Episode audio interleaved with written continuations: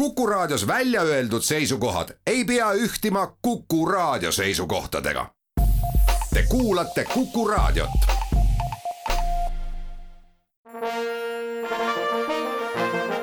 Vanemuise veerand tere kõigile kuulajatele, Vanemuise veerand alustab, täna on saates külas lavastaja Liis Kolle, tervist! tere! mina olen saatejuht Tiia Rööp. Kolmandal aprillil esietendub Vanemuise teatri suures majas Wagneri ooper Tristan ja Isolde. kas on vahet ja kui on vahet, siis milles, kui lavastada Wagnerit näiteks Saksamaal ja kui lavastada siin Eestis? küsin seda kui Tartu Richard Wagneri seltsi asutajaliikmelt jah, aitäh selle väikese meenutuse eest. Ma igaks juhuks ütlen ära, et ma ei ole ise Saksamaal Wagnerit lavastanud ja ei ole üldse enne Wagnerit lavastanud, et see on ka minu jaoks esmakordne kogemus. Aga küsimusele ma vastan hea meelega, sest äh, kaua Saksamaal elades, lausa aastakümneid ja selles kultuuriruumis liikudes loomulikult äh, ma olen näinud üsna mitmeid äh, Tristani ja ka teiste Wagneri teoste lavastusi ja mis on võib-olla veel olulisem, et sellest vahest aru saada nagu olnud selles, selles äh, diskursuses või äh, keskusteluväljas, et on väga palju sakslasi, kes täiesti tõukavad Wagneri endast eemale kuivõrd tõepoolest äh, ta on oma antisemitismi ehk siis juudi vaenulikkust ju avalikult väljendanud, äh, noh, meieni on see jõudnud tema kirjutiste kaudu ja Wagner ju asutas oma teoste ettekandmiseks äh, oma teatri Bayreuthes ja sellest sai ju kuulus Bayreuthi ooperifestival kus mängitakse ainult tema teoseid ja kus on ka tänaseks ikkagi päris palju Eesti ooperihuvilisi käinud ja pärast tema surma läksid seal asjad nii-öelda nagu eriti hulluks. Et seda me võime ainult spekuleerida, kas ta ise oleks seda tegevust toetanud, aga eriti just siis see tema laste põlvkonna ajal ja lapselaste ajal, et ühesõnaga juhtus niimoodi, et äh, Bayreuthist sai nagu selline natsismi kants ja nagu kogu see Natsi-Saksamaa minevik on sakslastele väga valus ja sellepärast on neil ka Bayreuthi ja Wagneriga üldse seotud sellised kahetised tunded. samas ei ole Saksamaal kunagi loobutud tema teoste lavale toomisest ja on nähtud ka seal väga palju muud kui antisemitismi, mis näiteks Niibelungi sõrmusest äh, on tõesti väga selgelt välja loetav, aga on samuti nähtud tema kapitalismi kriitikat, äh, on äh, nähtud tema üksikisiku vabaduse kaitsmist paljusid asju, millega inimesed ka tänapäeval saavad samastuda. et äh, kui ma nüüd hakkaksin Wagnerit lavastama Saksamaal, siis muidugi ma teeksin seda ka kindlasti teistmoodi kui äh, lavastaja, kes on sakslane ja nii-öelda selle taagaga üles kasvanud. kas see Wagneri ooperi esietendus, mis nüüd tuleb, on üldse Vanemuises, ma võin eksida, ka esimene Wagneri lavastamine. Nii ta tõepoolest on jah, et kuidagi varem on olnud äh, teisi teoseid kogu aeg võtta ja nüüd siis lõpuks äh, ei saa enam Wagnerist kuidagimoodi mööda, et tuleb ta ikka ka ära lavastada. Vanemuisega tööalane kokkupuude on pea kahekümne aasta tagune siis, kui te lavastasite Salakütti.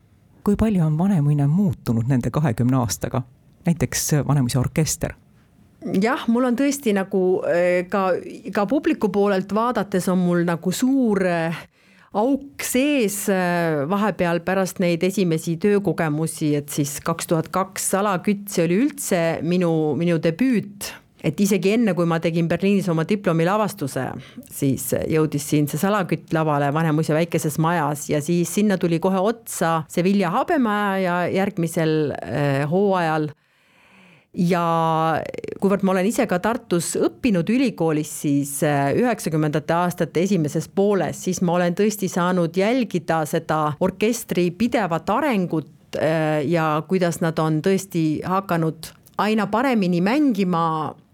et see on selline täiesti loomulik areng, see puudutab, ma arvan, absoluutselt kõiki orkestreid eh, kogu maailmas, et samamoodi nagu spordis inimesed eh, hüppavad aina kaugemale ja jooksevad aina kiiremini, samamoodi ka lauljad laulavad aina paremini ja, ja orkestrid mängivad aina paremini.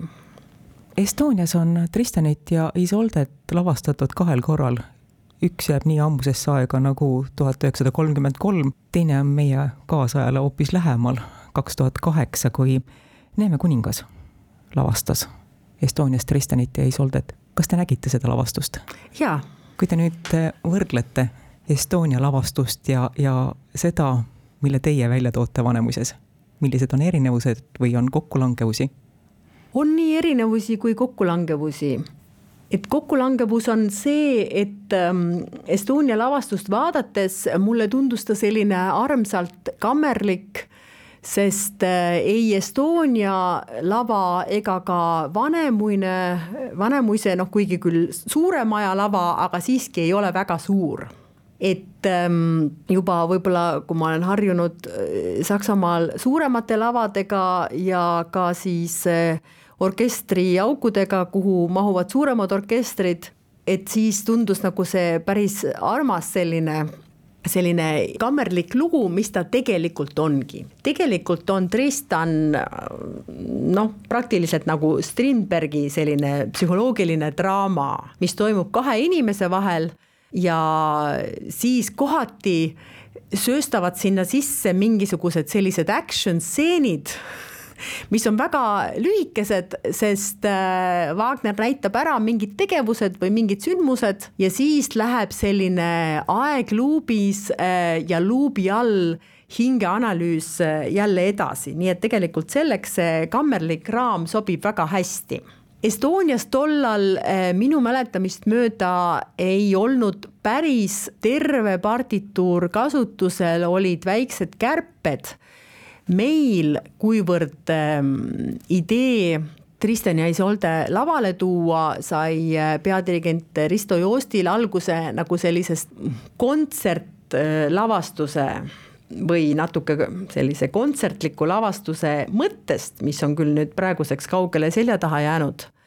et siis äh, oli algusest peale tingimuseks, et me esitame selle teose täielikult kuidas oli aastal tuhat üheksasada kolmkümmend kolm, ma praegu ei oska öelda, ma isegi ei tea, kas on võimalik äh, seda kindlaks teha.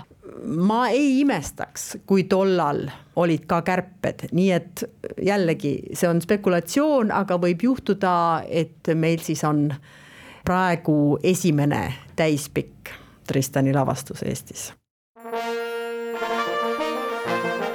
Vanemuise veerand Vanemuise veerand läheb edasi. kuku raadio stuudios on lavastaja Liis Kolle, saatejuht on Tiiu Rööp. kolmandal aprillil esietendub Vanemuise teatri suures majas Wagneri ooper Tristan ja Isolde. selle lavastuse puhul on ette öeldud välja ka seda, et ta tuleb kahe vaheajaga ja kujuneb võib-olla viie tunni pikkuseks, mis võib ähm, algajale ooperipublikule olla pelutav. kuidas peaks ennast ette valmistama selliseks ähm, etenduseks? No siin võib anda väga mitmesuguseid soovitusi, ma arvan, et igaks äh, sündmuseks valmistudes on oluline tulla sinna avatud meelega ja võib-olla mitte oodata seda, mida on võib-olla nähtud kusagil kas äh, video vahendusel või mõnda teist lavastust, sest iga lavastus on ikkagi väga erinev, ka muusikalised interpretatsioonid on erinevad no lauljate häälte erinevus võib-olla torkab rohkem kõrva kui see, kuidas mõni dirigent seda muusikat eh, enda jaoks mõistab ja, ja, ja ette kannab, aga ka seal on tegelikult väga suured erinevused. Ja kuivõrd tõesti jah, tegemist on nii pika teosega, siis kasvõi see, et kas dirigent võtab natukene kiiremad või natuke aeglasemad tempod, et Äh, võib-olla etendus kümme minutit pikem või lühem, et nii pika teose puhul see kümme minutit tegelikult ei ole üldse mingi eriline aeg. Et see isegi annab nagu sellise lisamõõtme, et inimesel on tõesti võimalik äh, ka oma sellist üsna kiiret ja heitlikku mõttetegevust aeglustada ja, ja minna minna sinna Tristani ja Isolde maailma sisse ja jääda sinna tõesti tundideks vaheajal mõnusalt äh, selga sirutada, jalutada, kaaslastega esimesi muljeid vahetada, ennast kosutada hea ja paremaga, mida, mida pakub kohvik et seda pikkust nagu nüüd äh, ei tasuks karta, sest ma tean väga palju inimesi, kes on täiesti silma pilgutamata nõus istuma kaks ja pool tundi kinosaalis, vaatama filmi ühes asendis, noh jah, võib-olla seal popkorn on, on kõrval, ma üldse kuidagi ei arva, et see oleks midagi halba, ma vahel ka ise imestan, et tõesti nüüd kaks ja pool tundi on möödas ja ma ei ole ennast liigutanud, sest filmil tavaliselt vaheaega ei ole, aga jah, et meil on see ikkagi, et nagu tunni ja veerandi või tunni ja kahekümne järel saab vahepeal eh, korraks noh, nii-öelda nagu oma selle mõtte ära puhastada, et siis jälle värskena minna järgmist vaatust nautima ja praktilise poole pealt ma soovitaks sellel päeval, noh, ütleme, et meil algab ju etendus juba kell neli pärastlõunal. et eh, tegelikult seal teatris enam-vähem veedetaksegi nagu pool päevast et ma soovitaks eh, hommikul ennast võib-olla vaimsete tegevustega mitte liiga ära väsitada, et jah, olla valmis vastu võtma. aga samas ma soovitaks kindlasti teha näiteks sporti või jalutada, olla värskes õhus, eh, et siis nagu lõpuks jääb sellest päevast selline tasakaalustatud elamus. kui nüüd raadiokuulaja eeldab, et ma hakkan küsima solistide kohta, siis võib sellel raadiokuulajal tekkida küsimus, et mis küsimus see siis nüüd järgmine on. lavastusmeeskonnas on valguskunstnik Rene Jõhve ja videokunstnik Kati Jägel. ma olin veidi üllatunud, nähes nende nimesid ooperilavastuse juures jätan küsimuse õhku rippuma ühesõnaga sinna juurde tuli küsimärk ja.. jah. no ma ise oleksin olnud ka üllatunud, nähes nende nimesid äh, ise ooperikülastajana kavalehel. ja minu jaoks see on endiselt suur üllatus ja suur rõõm ja suur kingitus, et nad seal kaasa teevad. Ja ma olen ka päris õnnelik, äh, et ma selle peale tulin neid kutsuda. Et tegemist on tandemiga, kes on juba aastaid äh, kujundanud äh, Eesti Laulu visuaali, tähendab siis see puudub neid finaalkontserte ja, ja lõppkontserti ja no nüüd on sellest juba jah, rohkem kui aasta möödas, siis kui oligi parajasti see valguskunstniku otsimise aeg, kuivõrd äh, minule Vanemuise poolt antud mängureeglid nägid ette, et lavakujundus peab olema mittemateriaalne.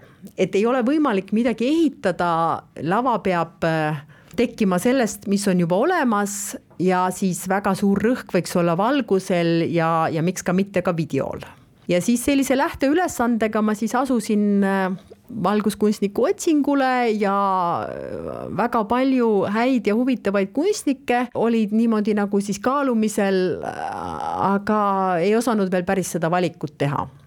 ja just kuivõrd see, et tahaks midagi väga erilist, sest ähm, teatris ju tavaliselt äh, valguskunstnik ei loo ise ruumi, vaid ta valgustab äh, lavastuskunstniku tehtud ruumi ehk siis dekoratsiooni, lihtsalt öeldes.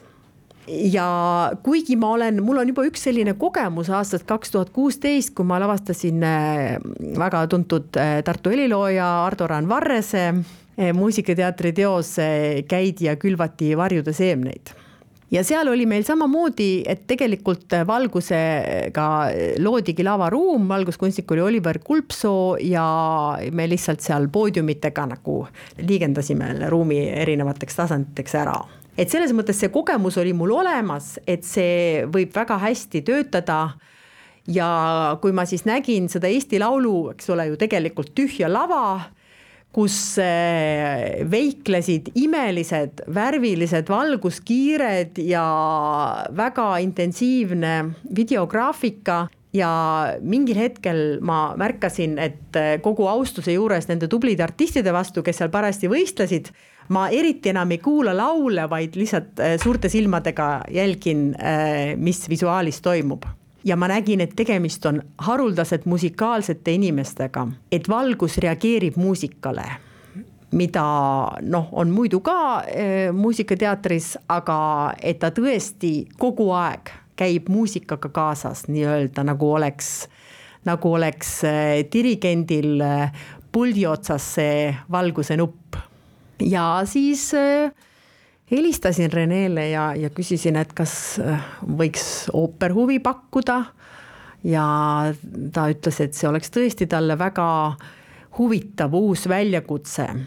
et ta teeb väga hea meelega kontserte, aga ta on neid nii palju teinud, et tal on juba kujunenud selline teatav äh, harjumus neid teha, aga ooper on midagi, mis on tema jaoks täiesti uus ja siis hakkasime ette valmistama ja väga kiiresti nad mõlemad Katiga nagu sulandusid meie sinna ooperimaailma ja no eks tulemust muidugi nüüd hindab iga vaataja ise.